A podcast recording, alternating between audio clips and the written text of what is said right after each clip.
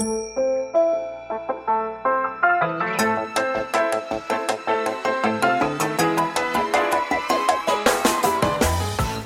lieve luisteraars, welkom bij de Stories of Inspiration podcast van What's Your Story. De podcast waarin ik jou laat horen dat er achter ieder gezicht een inspiratiebron schuilt. En waarin ik jou heel veel tips ga geven over hoe jij meer naar buiten kunt treden met jouw authentieke verhaal. Heel veel plezier met luisteren en na afloop ben ik onwijs benieuwd wat je ervan vond. Stuur me een berichtje via Instagram als je wil reageren, als je vragen hebt of als je jouw verhaal ook zou willen delen. Veel plezier met luisteren!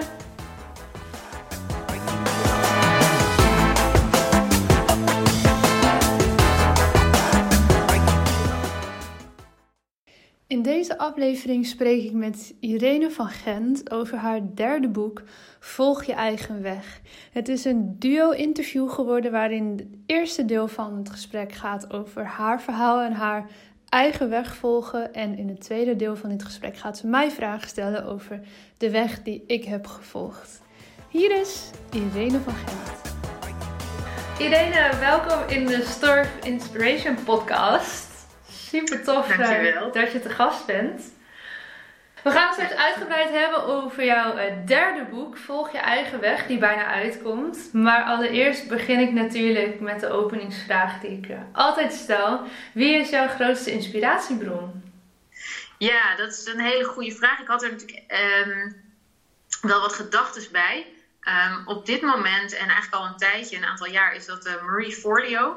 Mm Ik weet niet, misschien ken je haar, maar zij is een Amerikaanse ja, YouTube-ster slash uh, business coach slash schrijver tegenwoordig ook. En zij maakt hele gave video's, daar ken ik haar van. Die, maar daar maakt ze nu ook podcasts van.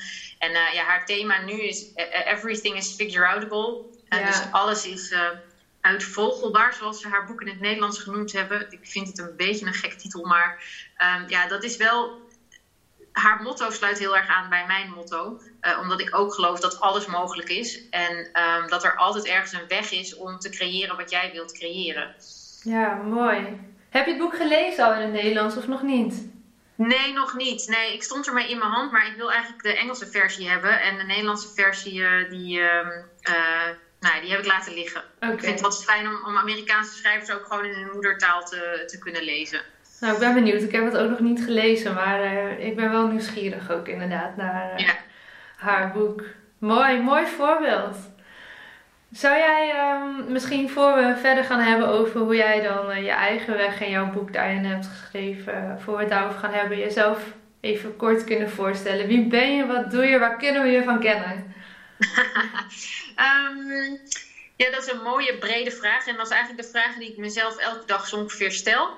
Um, uh, omdat ik echt heel erg probeer mee te bewegen met wat er op een dag is. Dus um, in de afgelopen, nou, laten we zeggen, 15 jaar heb ik zoveel verschillende dingen uitgeprobeerd.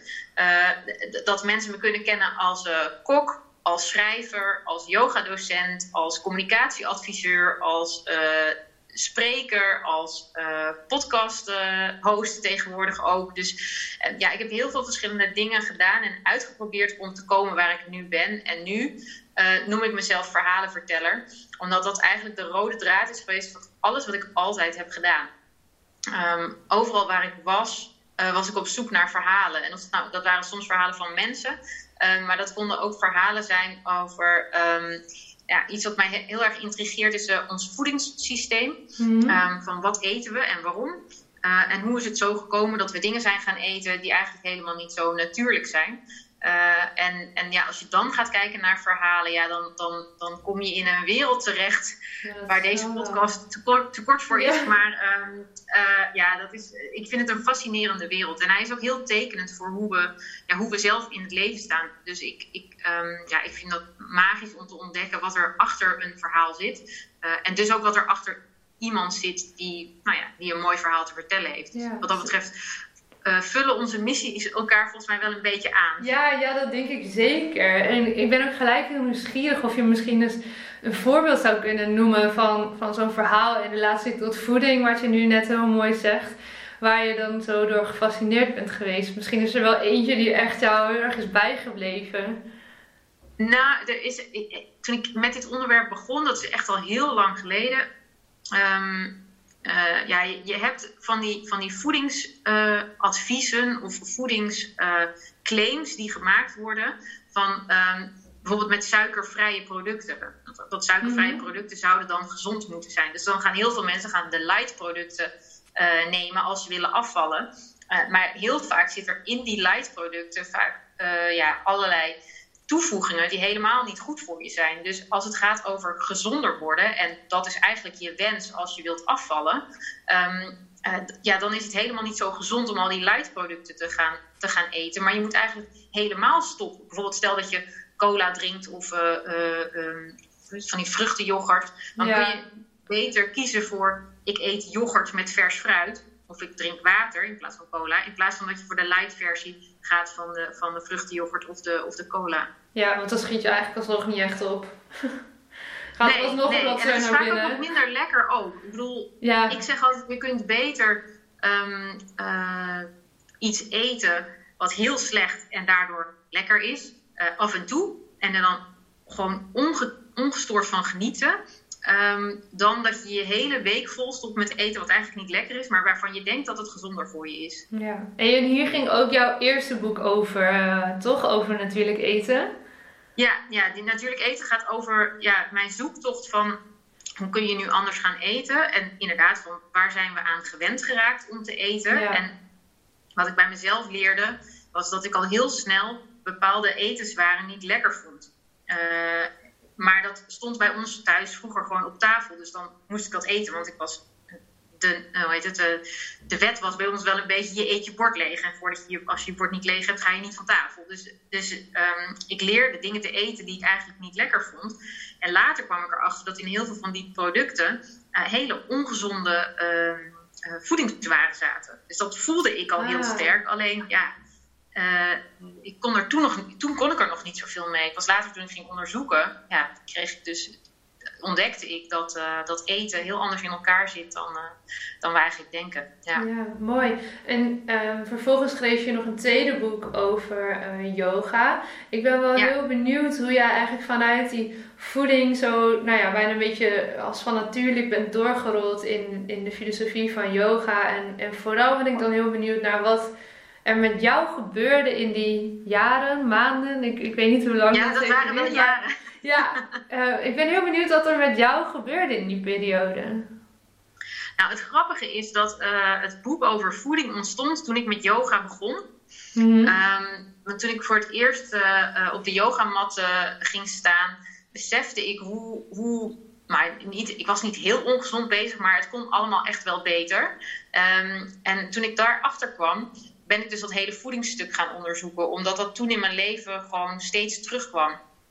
En toen ik het boek over voeding had geschreven, kwam ik in een, in een fase van mijn leven um, waarin ik steeds merkte dat ik wel dingen anders deed dan anderen, maar daar eigenlijk niet echt gelukkig van, van werd. En na, na, ik was toen vijf jaar in het buitenland op reis geweest, en toen kwam ik terug in Nederland en toen stond mijn hele leven op zijn kop. Op alle gebieden. Dus mijn relatie was uit. Maar wacht heel even hoor, want je zegt nu gewoon tussen neus en lippen door: ik ben vijf jaar op reis geweest. Kun je heel even daar iets meer over vertellen misschien? Want holy shit, vijf jaar op reis. Hoe, hoe, ja. wat, waar?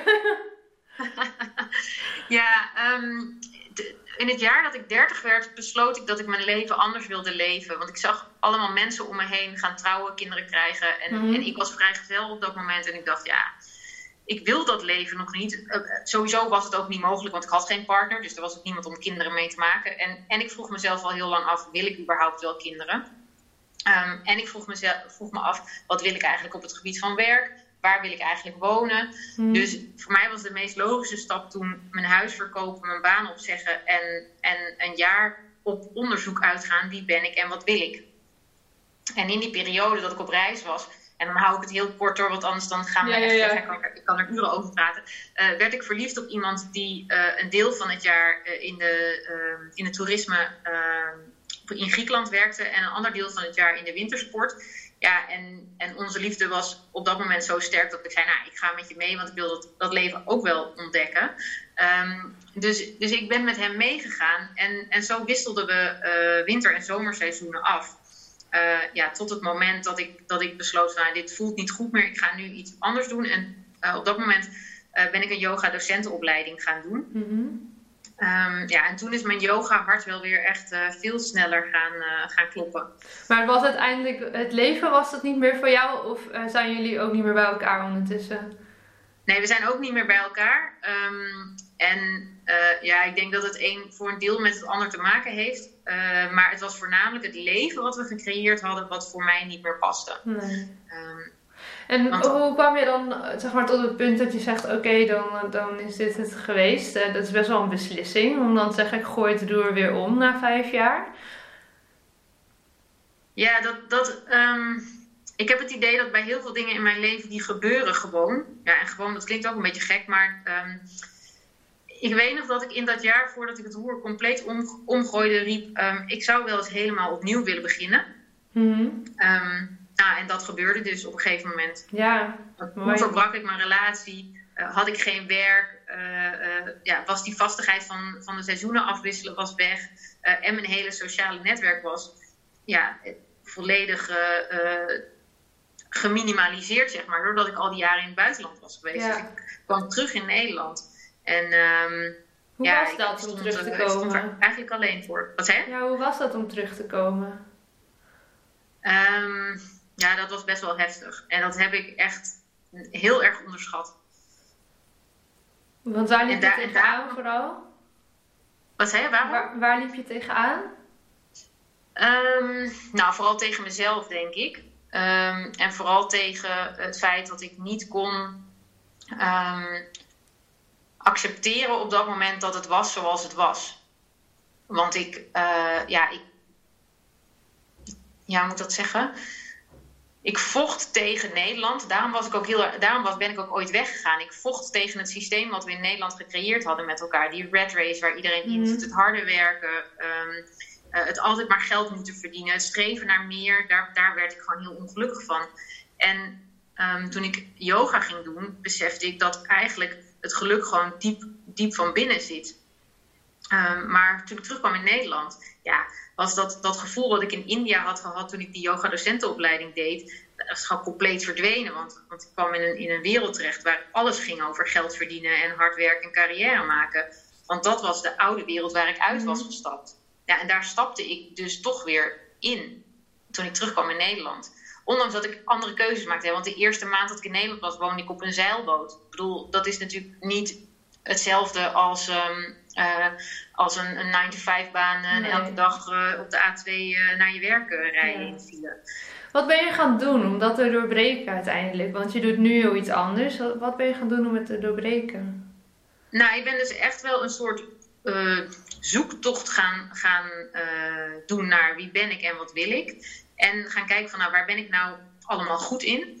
En daarin heb ik heel veel geëxperimenteerd. Dus, um, maar in eerste instantie moest ik echt weer aarden in Nederland. Dus toen pakte ik het achtvoudige pad van yoga erbij. Want ik had de, dus de yoga-docentopleiding gedaan en ik wilde wel les gaan geven. Maar eigenlijk merkte ik ook wel dat het niet helemaal mijn ding was. Alleen de yoga-filosofie, die trok me enorm. Dus ik had zoiets van, ik wil daar iets mee. Ik wil die filosofie in mijn leven kunnen integreren, zodat ik in Nederland een, een relaxed leven kan leiden. En toen had ik een heb ik een plan voor mezelf gemaakt uh, om een jaar lang het achtvoudige pad te gaan volgen. En dat ben ik toen gaan doen.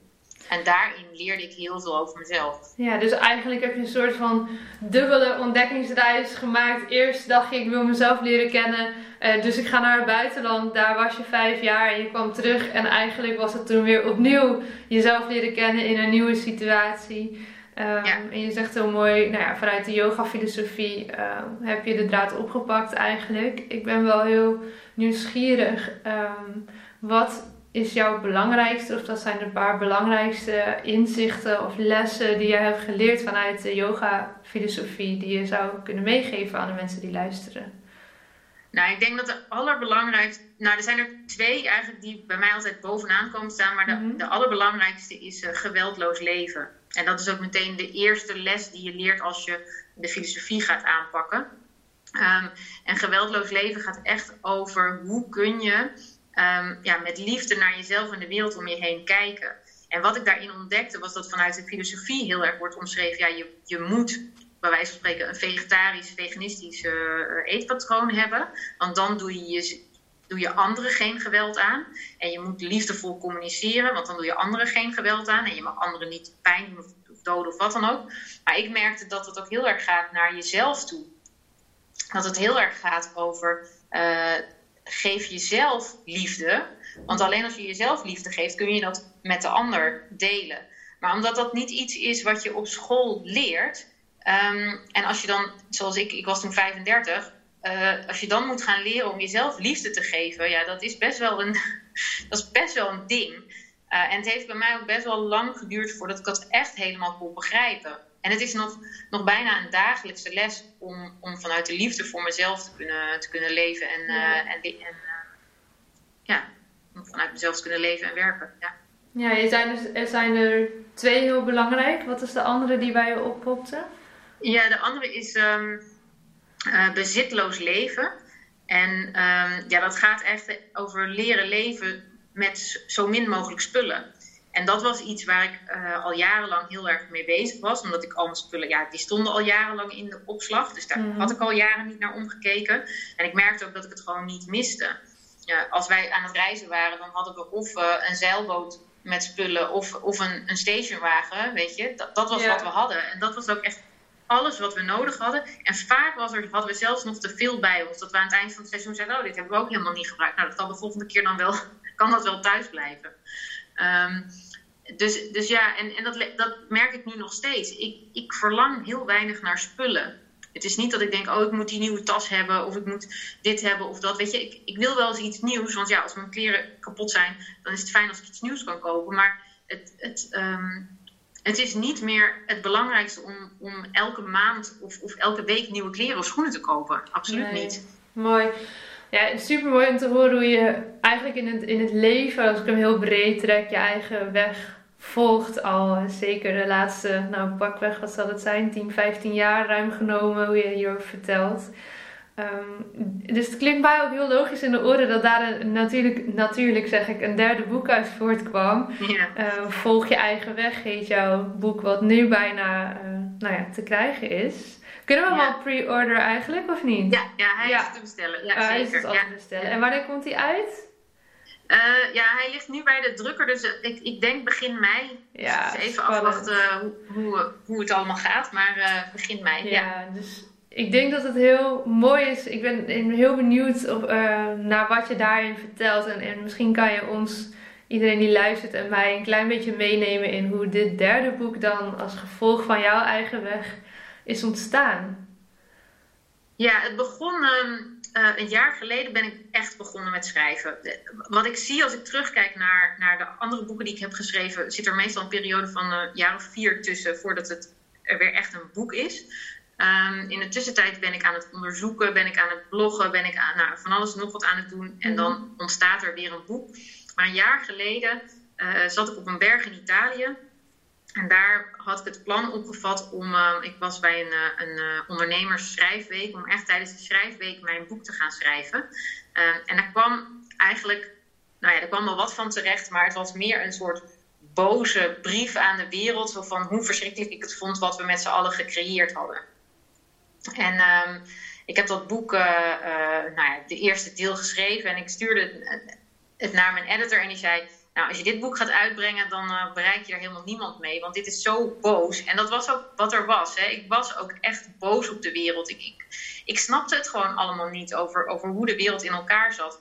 En na die reactie van, van um, uh, mijn editor had ik zoiets van: oh ja, maar waar gaat het echt over? Hè? Wat is de rode draad van de afgelopen tien jaar geweest voor mij? Is dat ik um, in, die, um, in die boosheid steeds mijn eigen dingen ben gaan doen. Dus, dus ik zette me wel af tegen alles wat er was. En daardoor koos ik mijn eigen weg. En dat was misschien deels vanuit een verkeerde energie, maar aan de andere kant was het wel dat ik elke keer werd uitgenodigd om op zoek te gaan naar hey, wie ben ik en wat wil ik? Mm-hmm. En wat je ook zei, in de afgelopen tien jaar is die vraag, nou, ik denk niet twee keer, maar wel, wel, wel vaker naar voren gekomen, omdat ik dus steeds ging experimenteren met dingen. Dus dan werkte ik weer een tijd als kok en dan dacht ik, ja, dit voelt wel goed, maar het is het ook niet helemaal. Hè? Wat wil ik dan met dat koken? Wat heb ik dan met eten? En Dat was met yoga precies hetzelfde. Dan was ik yoga-docent en dan dacht ik, ja, ik word hier niet helemaal gelukkig van. Dus hoe kan ik dit nu maken tot iets wat echt bij mij past? En in die tien jaar dat ik, dat ik onderweg ben geweest naar, nou ja, naar de meest ideale versie tot nu toe van mezelf, ehm, ja, heb ik een aantal rituelen aan mijn leven toegevoegd. Die mij heel erg helpen om dicht bij mezelf te blijven. En dat gaat over, en dat, dat zijn, ik heb elf rituelen benoemd in het boek. Uh, en die gaan bijvoorbeeld over uh, echt duidelijke keuzes maken, over je verantwoordelijkheid nemen voor je eigen gedrag en voor je eigen leven, maar ook over echt je eigen ritme ontdekken. Want ik leerde dus in, in die zoektocht naar wie ben ik, is dat ik een bepaald ritme heb wat voor mij heel prettig werkt, maar wat bijvoorbeeld compleet haaks staat op het ritme dat mijn partner heeft. Hmm. Um, en dan heb ik ook nog eens, uh, ben ik vrij gevoelig. Dus ik heb ook last van als het volle, volle maan is of nieuwe maan. Weet je, daar beweeg ik in mee. Ik, ik voel mee met de seizoenen. Ik voel mee met mijn, met mijn eigen maandelijkse cyclus. Dus ik heb al die dingen, ja, die heb ik om in mee te bewegen. Dus uh, wat ik, ja, ik, ik ben gaan omschrijven hoe dat voor mij is. Maar ik leerde dus ook van alle interviews die ik heb gedaan en ook in het boek heb meegenomen. Dat dit voor heel veel mensen zo geldt die hun eigen weg volgen. Dat ze echt volledig voelen van hé, hey, dit is mijn ritme. En ik durf hier gewoon 100% voor te kiezen. Ja, mooi. En want je zegt, je hebt elf mensen geïnterviewd. Zijn dat elf andere ondernemers? Of hoe ben je bij deze elf mensen terecht? Ja, het zijn uh, bijna allemaal ondernemers. Um, Ze komen uh, voornamelijk uit mijn... Uh, ja, ik heb een vrij groot netwerk aan ondernemers om me heen. Um, die ik graag wilde interviewen. Maar toen ik die elf had gehad, dacht ik... Ja, daar zitten er nog, er zitten er nog wel honderd meer bij die ik ook had kunnen interviewen. Ja. Um, en een boek, ja, daar kun je dus... Ja, je kunt wel een boek met honderd interviews maken, maar dat dat werkt me een beetje te veel. Dus ik heb het bij elf gelaten.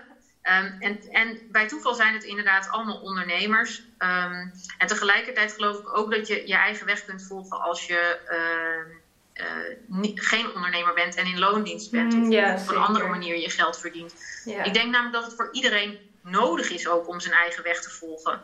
Ja. Hey, en tussen alle um, zelfhulpboeken die er tegenwoordig zijn er, want het zijn er nogal wat en, en de een is uh, nog interessanter dan de ander. Uh, we zien het op iedere hoek van de straat, komt het zo'n beetje terug. Uh, waarom moest dit boek er echt nog komen? nou, dat zijn denk ik twee, twee redenen. Eén um, is, en dat is denk ik de allerbelangrijkste, is dat ik met mijn boek een, een handleiding wil geven, maar geen voorgesteld uh, stappenplan. Want ik wil namelijk dat degene die het leest ook echt aan de slag gaat om het voor zichzelf op de meest ideale manier te creëren. Um, en niet uh, dat hij mij gaat volgen. Ik wil niet dat je gaat doen wat ik doe. Want wat ik doe, dat hoeft voor jou helemaal niet uh, prettig te zijn. Um, en er zijn natuurlijk altijd dingen die we allemaal prettig vinden. Um, maar in essentie heeft ieder zijn eigen weg. En ik wil ook echt dat iedereen die het boek leest zijn eigen weg gaat volgen. Dus weet je, je maakt wel eenzelfde reis, alleen iedereen heeft zijn eigen bestemmingen, zijn eigen zijpaden en zijn eigen uitdagingen. Dus dat is een van de redenen waarom dit boek er uh, ook moest komen. En het tweede is um, dat ik geloof dat verhalen um, wel echt nodig zijn om een verandering teweeg te brengen. En um, om meer mensen te bereiken, is het, kun je dat op allerlei manieren doen. En mijn manier is een boek schrijven. Um, en, en ondertussen, wat ik al zei, uh, uh, heb ik ook een podcast. En, en weet je, je hebt. En, en, schrijf ik blogs en, en maak ik video's. Er zijn zoveel manieren om je verhaal te delen. Maar ik hou van boeken en ik hou van verhalen. En daarom deel ik mijn verhaal gewoon graag in, uh, in een boek. Um, en ik denk ook dat er genoeg mensen zijn die aanhaken bij de juiste schrijvers. Hè? Dat elke schrijver ja. die een boek uitbrengt, um, zijn lezers wel bereikt. Ja, mooi. Wat betekent het voor jou persoonlijk uh, dat dit derde boek, wat in mijn ogen toch, het klinkt als het meest persoonlijke boek. Ik weet niet of dat zo is, maar zo komt het nu in ieder geval een beetje over. Um, wat betekent dit, dit boek voor jou? Volg je eigen weg? Um, ja, het, het, is voor mij een opening naar een echte nieuwe wereld, ook voor mezelf. Um, en uh, dat heeft ook te maken met de tijd waar we nu in leven. Um, ik denk dat het echt heel erg noodzakelijk is dat steeds meer mensen gaan kijken naar: hey, wat, wat ben ik nou eigenlijk aan het doen en waarom doe ik dat? En kan het ook anders? Wil ik het ook anders? En hoe creëer ik dat dan?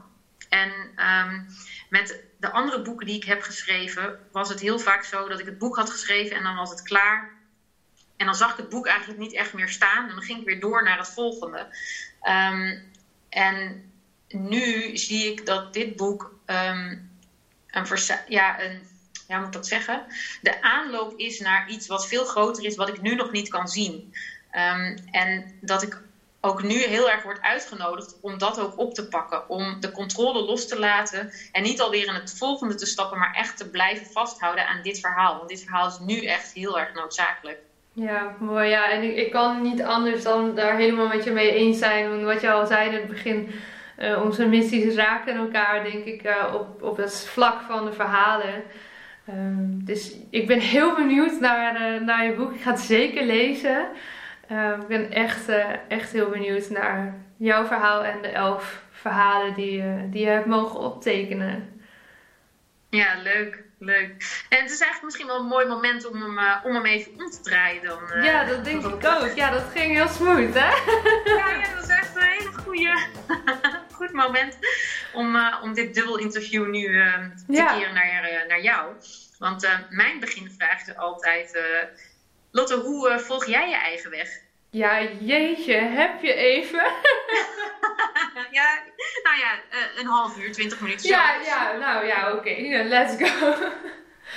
ja, hoe volg ik, volg ik mijn eigen weg? Um, zo, dat kan ik op heel veel manieren beantwoorden natuurlijk. Maar um, ik denk, als ik hem echt vanuit het nu pak, uh, dat ik mijn weg steeds meer volg op basis van mijn gevoel. Eh, dat ik heel veel jaren uh, dat veel meer met mijn verstand heb gedaan, met mijn verstand keuzes heb gemaakt. Um, en dat ik nu, nou, sinds de laatste jaar, anderhalf, dat daar echt wel wat luiken open zijn gegaan. En, en, mensen die ik heb ontmoet die me daar ook bij hebben geholpen om gewoon veel meer vanuit mijn gevoel de dingen te doen. En vanuit, nou ja, de, de missie die eigenlijk zowel persoonlijk als zakelijk is. Uh, ja, ik, ik, kan dat niet los van elkaar zien. Uh, om dat echt vanuit mijn gevoel en vanuit een bepaalde urgentie te kunnen doen. Dus um, ja, hoe volg ik mijn eigen weg? Steeds weer vanuit mijn gevoel en dat vind ik ontzettend fijn ook. Oh, ik, dat is leuk dat je. En dat vind ik ontzettend fijn, want het is natuurlijk ook heel fijn. Um, maar als je altijd gewend bent om, geweest om met je hoofd je keuzes te maken, hoe hoe lukt het jou dan om um, dat nu, want het klinkt alsof het voor jou nu niet meer dan normaal is. Dus, dus is dat ook zo? Nou, zo je uitdaging? Een, een beetje. nee, laat me vooropstellen dat, uh, dat dat zeker nog niet altijd uh, um, nou ja, als vanzelf gaat. Uh, I wish, maar ik moet daar ook echt wel wat moeite voor blijven doen. En uh, voor mij bestaat het uit ja, toch bepaalde rituelen als uh, regelmatig mediteren, wat yoga oefeningen, sporten is voor mij ook heel belangrijk daarin. Um, nou, het is mooi dat je het net had over voeding, daar ben ik me steeds meer echt gaan verdiepen. Dus ik doe echt wel ook moeite um, om te zorgen dat dat constant nou ja, open blijft staan, als het ware, dat voelen. En um, ik heb wel geleerd door de maanden, eigenlijk de afgelopen maanden, een jaar heen, om uh, ja, telkens te kunnen switchen en terug te kunnen stappen in dat gevoel ook daadwerkelijk. Elke keer als ik mezelf betrap dat ik uh, bepaalde gedachten heb die mij niet helpen, om dan eigenlijk in een, nou ja, wat ik net deed, in een knip weer terug te stappen naar oké, wat helpt me wel op dit moment? Welke gedachten zijn wel helpende gedachten, positieve gedachten? En dat maakt dat ik ook makkelijker weer terugkom, elke keer bij het gevoel. Maar het, is, het wordt steeds meer als vanzelf. Uh, maar dat durven vertrouwen op je intuïtie, dat is echt wel een, een proces hoor, is mijn ervaring. Ja, ja. Ja, dat is het ook. Ja, dat is mijn ervaring ook. Dus ik, ik, daarom vroeg ik ook van, het klinkt alsof je het zo makkelijk doet. Um, omdat ik uit mijn eigen ervaring weet dat het helemaal niet zo eenvoudig is. Dus nou, jij zegt van ik heb bepaalde rituelen, maar um, hoe, ja, wanneer was het punt dat je dacht: oké, okay, nu, nu is het tijd voor iets anders? Je moet ergens een, mhm. een, openbaring hebben gehad dat je dacht: oké, okay, dit wat ik deed, dat werkt echt niet meer. En er komt iets, er kwam er iemand op je pad? Of, of, of ja, wat gebeurde er? Ja. ja, het is leuk dat je dat vraagt, want het is inderdaad best wel een duidelijk moment waar ook echt die kanteling kwam voor mijn gevoel. En ik denk dat het in de maanden daaraan voorafgaand al een soort van uh, onbewust, zeg maar, is dat al uh, een beetje voorbereid, denk ik.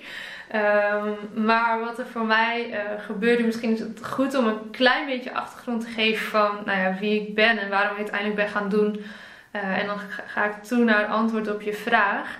Um, ja. Ik heb zelf altijd um, in mijn tiende jaren en eigenlijk vanaf mijn zesde heb ik fanatiek gevolleybald. In het begin was dat gewoon gooien en vangen. Je moet je voorstellen dat een kind van 5, 6, ja, dat is gewoon speels.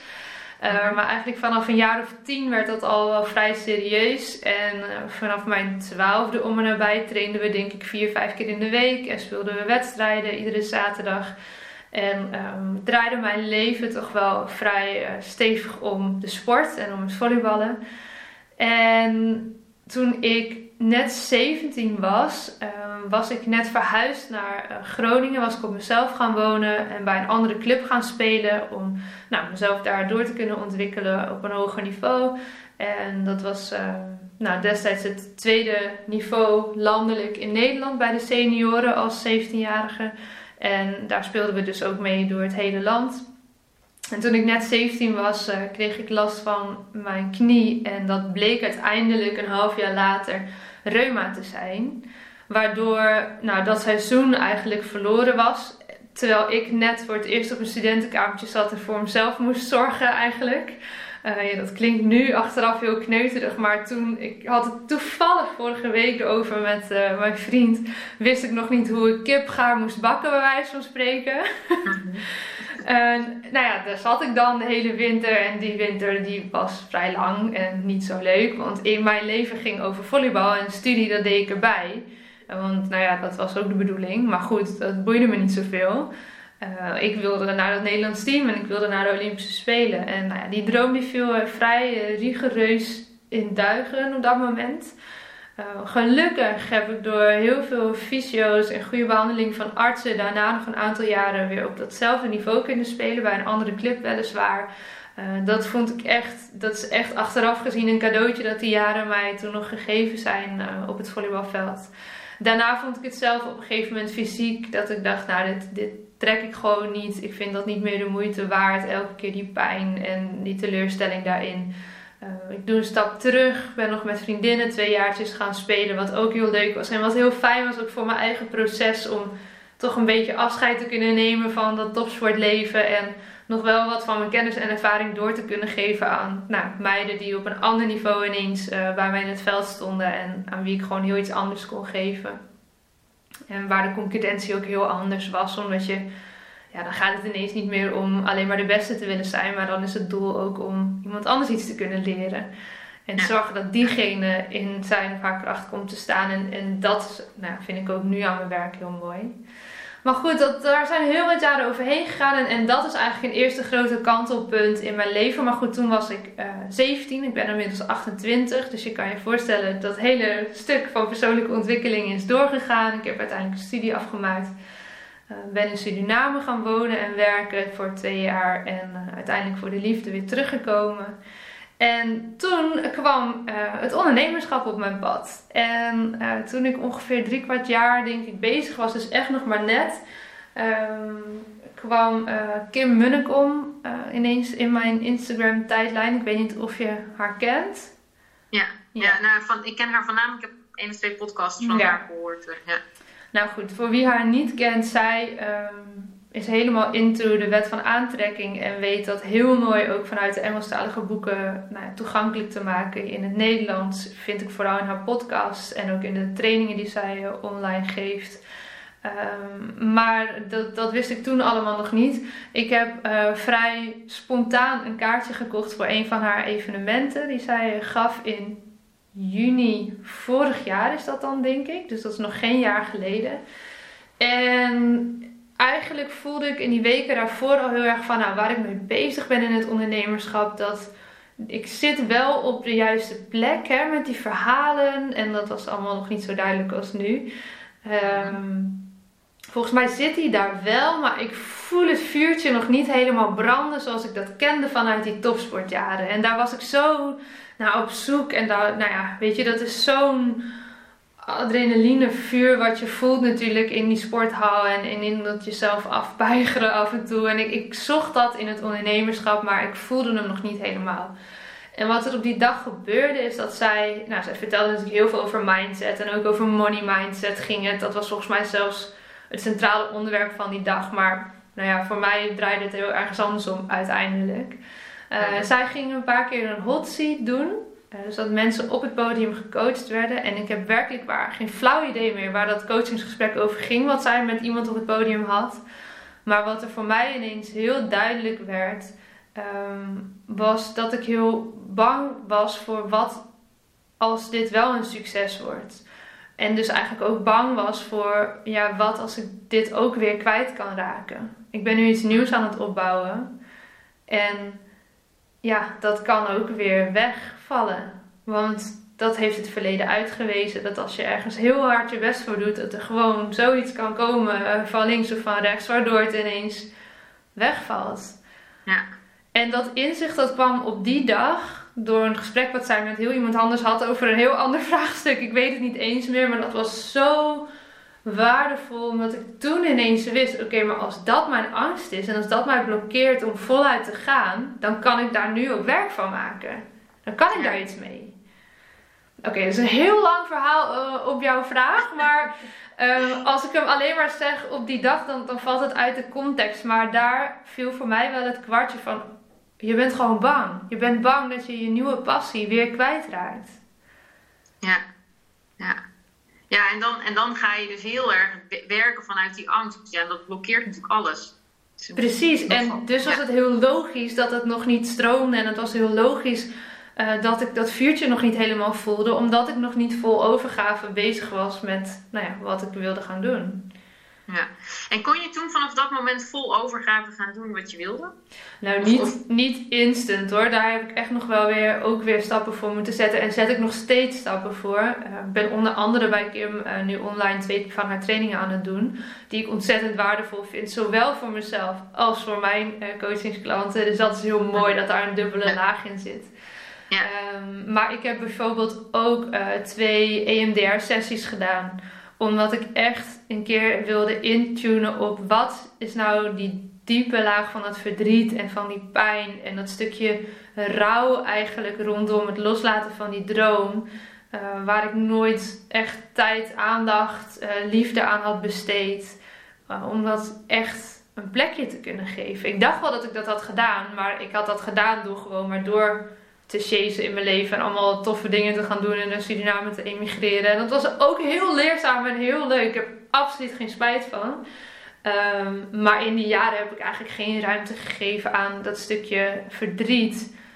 Wat toch blijkbaar wel heel erg nog aanwezig was. En dat, dat ik, waar ik mij nog steeds heel erg mee identificeerde. Dat ik dat volleybalmeisje ben of was, kan ik inmiddels zeggen. Maar ik voelde dat een jaar geleden nog heel sterk van ja, maar dat is wie ik eigenlijk echt ben. Maar dat was ik al jaren niet meer.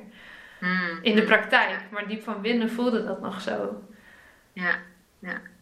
hey, en als je dan nu um, uh, zegt van nou, ik, wil, ik, ik heb nu een nieuwe passie. Dus het volleyballen was de passie. En ja. nu kun je je passie weer voelen. Kun je daar iets meer over vertellen? Ja, zeker. Um, want dat is ook voortgekomen eigenlijk uit dat moment, uit voornamelijk die winter, dat ik op mijn nou ja, uh, drie hoog uh, studentenkamertjes zat waar tochten en lekten en muizen en weet ik het wat.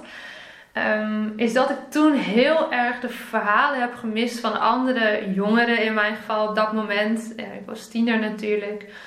Van andere mensen die een bepaalde droom of passie hadden en die ineens kwijt zijn geraakt. En hoe ga je dan weer verder met je leven? Dus ik miste heel erg de verhalen van, nou ja, inspirators, van voorbeelden die konden laten zien van, nou ja, hey, het is allemaal super kut, maar er is nog een soort van perspectief of zo. Want dat voel je niet op dat moment dat dat er is. Dat er ook nog meer is dan alleen maar uh, datgene wat je zo graag doet. En daarbij moet ik wel zeggen dat social media natuurlijk tien jaar geleden echt wel anders was dat er ook veel minder verhalen beschikbaar online waren. Um, en dat ik er misschien achteraf gezien ook nog wel helemaal niet uh, klaar voor was om die verhalen te lezen. Maar toch heb ik wel dat gemis gevoeld en die hunkering naar iemand die tegen mij zou kunnen zeggen van oké, nou maar ik heb ook zoiets meegemaakt en nu sta ik hier. En uiteindelijk in Suriname heeft uh, toen een vriendin van mij daar gezegd van hoezo doe je hier niet iets mee? Waarom ga jij die verhalen niet in de wereld zetten? Als je dat zo hebt gemist. En als je zo houdt van die verbinding met mensen en, en de verhalen van mensen, waarom doe je daar dan niks mee? En zo is eigenlijk mijn bedrijfsidee ontstaan. En um, in het begin was dat niet meer dan, nou ja, dat ik dacht, nou dan ga ik wel mensen interviewen en dan ga ik een verhaal opschrijven. ja, ik had, ik had communicatie gestudeerd, maar verder niks journalistiek. Um, ik kon niet uh, redigeren of zo, kan ik nog steeds niet door. Dus echt betrap me met alle liefde op tik en spelfouten. Maar ik, kan wel, ik wist wel, ik kan wel aardig schrijven. En ik denk dat ik ook wel kan interviewen, maar geen idee. Dus dat ben ik gaan doen. En, en vanuit daar is eigenlijk stapje voor stapje Watch Your Story ontstaan. En help ik nu andere ondernemers, voornamelijk ondernemers, om te kijken naar hun persoonlijke verhaal en die koppeling te maken naar hun bedrijfsverhaal. Dus hoe kan je jouw persoonlijke verhaal nu inzetten voor je bedrijf en voor de marketingcommunicatie van je bedrijf? En heel vaak zit hier op de diepere lagen van waarom doe je eigenlijk wat je doet? Waar zit jouw energie op? Waar uh, word je blij van? En pas daarna van oké, maar en wat is het dan dat je in, in de markt gaat zetten? Uh, dus ja, om echt te kunnen kijken met mensen naar, uh, naar die diepere nou ja, laag en die diepere motivatie. Ja. Waarom je doet wat je doet. Ja, dat vind ik ontzettend interessant. En het leuke nu is wel dat in deze gekke tijd van corona, wanneer we dit gesprek opnemen, dat juist die portretten weer aan de oppervlakte zijn gekomen, omdat de offline coaching nu natuurlijk niet gaat. Uh, ben ik nu juist weer heel veel mensen aan het interviewen en aan het portretteren. Dus ja, ik ben weer een beetje eh, back to the basic, of back to the roots moet ik eigenlijk zeggen. Ja. ja, en wat ik wel leuk vind dat je zegt, is dat um, je, je interviewt mensen um, om toch dat verhaal helder te krijgen. Dus je bent niet alleen je haalt niet alleen het verhaal naar boven, maar eigenlijk ook um, de passie of, of de basis van, van het bedrijf. Dus je bent ja. ja, misschien wel een soort van business coach in die zin dat, je, dat mensen misschien wel met iets bezig kunnen zijn, maar dat, dat door een gesprek met jou ze kunnen ontdekken van hé, hey, die rode draad eigenlijk, gaat eigenlijk ergens anders heen dan wat ik nu in de wereld aan het zetten ben. Ja, soms wel. Soms is het inderdaad heel iets anders dan waar ze daadwerkelijk mee bezig zijn. Vaak voelen mensen dat dan ook al wel een beetje aan, want daardoor komen ze ook wel richting mij natuurlijk. Dat ze denken, hmm, uh, ergens klopt het nog niet helemaal. Maar soms is het ook um, dat ze wel datgene wat ze aan het doen zijn, dat dat eigenlijk wel is waar ze heel erg blij van worden. En dat dat wel uh, op, het, uh, op het goede stuk zit, wat ik zelf ook had ervaren. Van, het zit wel op die verhalen, maar het klopt nog niet helemaal. En dan zit het er maar vaak in dat ze gewoon de rode draad van hun persoonlijke verhaal en de kern van hun persoonlijke verhaal nog nooit in beeld hebben gebracht. Waardoor die match er gewoon nog niet is. En wordt, waardoor de vertaalslag mist van jouw persoonlijke verhaal naar je business. En waarom stroomt je business dan niet?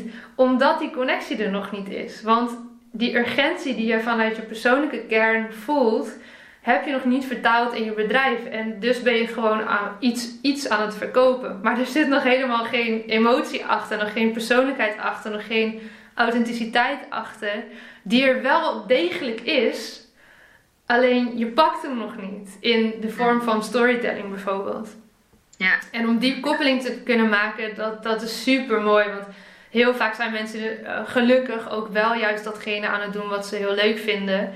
Alleen zien ze gewoon nog niet die rode draad en, en die match tussen nou ja, hun persoonlijke drijfveer en datgene wat ze doen. Ja, ja. Of ze zien hem wel, maar vertellen hem nog niet. Dat is soms ook nog eens. Ja, ja, maar dat is ook soms een angst, hè? Van, van, uh, ja, zeker. Uh, ja, je, verschuilt je dan achter een soort van product of je bedrijf of zo, om nog niet helemaal je hele verhaal te vertellen. Ja. En dat, want het is natuurlijk ook spannend om je verhaal te vertellen, toch? Ja, heel vaak wel. En, en dat heeft natuurlijk alles mee te maken dat, dat daar vaak gebeurtenissen zijn geweest uh, in, door je leven heen die hebben gemaakt dat je nu aan het doen bent wat je aan het doen bent. En dat is niet altijd alleen maar leuk. Ja. En ja, het is heel lastig voor heel veel mensen van wat vertel ik wel en wat niet. Um, wel, hoe druppel ik nou dat verhaal heel goed, uh, zodat het niet in één keer een nou ja, soort van stortvloed is aan, nou dit, dit ben ik dan en dit met al mijn uh, shit uh, is dit het. um, en dat is heel mooi, vind ik. Dat doe ik dus één op één ook met mensen. En dan hebben we een hele dag de tijd om dat helemaal uit te rafelen. En al die elementjes in post-its op de muur te hangen. En die rode draad daarin uh, te creëren samen. Ja, dan, dan klopt die vaak ineens. En dan hoef je dus ook niet alles zomaar eruit te gooien. En kan je dat heel gericht en nou ja, op een fijne manier doen. Dus ja. niet ieder, voor niet iedereen is dat even makkelijk. En nou ja, wat wel het mooiste voorbeeld is, denk ik, is dat de posts of de blogs die ik schrijf en waar ik uh, echt een beetje uh, shaky ben als ik op de plaatsen knop klik. Uh, die -hmm. doen het eigenlijk altijd het best. Want daar zit zoveel emotie en authenticiteit in, waardoor mensen dat, mensen voelen dat ook digitaal. Ja, ja. Gaaf. Mooi, dankjewel. Ja. Wat een ja, bijzonder verhaal. Zo van, van um, je eigen uh, verlangen, wat je miste zo'n tien jaar geleden, dat je dat omgezet hebt in, in jouw bedrijf. Ja, ja, ja, want dat is uiteindelijk, als je hem dan wil samenvatten, um, hoe ik het zie, is dat ik deel mijn verhaal en daarmee kan ik een bepaalde range aan mensen inspireren, steunen, troost bieden, uh, blij maken. Um, en nou ja, dat is tot een bepaalde range kan je komen en die kan best heel groot zijn. Maar ja, daar ergens stopt dat verhaal en voor niet iedereen is mijn verhaal misschien even relevant. Maar door zoveel mensen hierin mee te kunnen nemen en hun verhaal een podium te geven of ze te helpen om zelf hun verhaal te gaan vertellen, daarmee wordt het bereik elke keer met ieder gesprek weer groter. Want jouw verhaal kan iemand misschien alleen maar van jou horen en van mij alleen van mij. En ja, het is zo gaaf om te zien dat die olievlek zich op die manier dus uit ja, spreidt, zeg maar. Want dat wat ik bijvoorbeeld leer van Kim, geef ik weer door aan de mensen die ik spreek. En zij, er zitten veel coaches in, in de mensen die ik spreek, veel mensen die in sociale ondernemingen zitten, geven dat allemaal weer door aan de mensen die zij spreken. En dan ja, wordt op die manier die vlek zo steeds groter. Ja, ja dat, daar kan ik alleen maar heel gelukkig van worden. Ja, en dat is wel heel gaaf, want dat sluit ook aan bij iets wat, uh, waar we het gesprek mee uh, begonnen met uh, Marie Forleo, mijn inspiratie. Yeah. Zij, zij zei laatst ook van um, ieder heeft zijn publiek en soms heb je iemand anders nodig om jou iets te vertellen waardoor het wel aankomt. Terwijl je het ja. misschien al tien keer eerder hebt gehoord, maar het nooit is blijven hangen. En dan hoor je het de elfde keer en dan opeens denk je, oh wauw, dit is nieuw. En dan, ja. en dan ja. heb, heb, je het al tien keer gehoord uiteindelijk, maar nu pas begrijp je het. Dus het is wel ja. Uh, ja, heel gaaf dat, uh, dat die verhalen dat, uh, dat kunnen doen. Ja, zeker, ja. Ja, dat was hem weer voor deze keer. Dankjewel voor het luisteren en ik hoop dat je hebt genoten van deze podcast. Wil je me helpen deze podcast te laten groeien? Laat dan een recensie achter via iTunes of deel in je Instagram stories dat je hebt geluisterd en vergeet mij niet te taggen. What's your story? NL. Zo kunnen wij er samen voor zorgen dat er meer en meer inspirerende verhalen gedeeld zullen worden. Alvast onwijs bedankt voor je support en tot de volgende aflevering.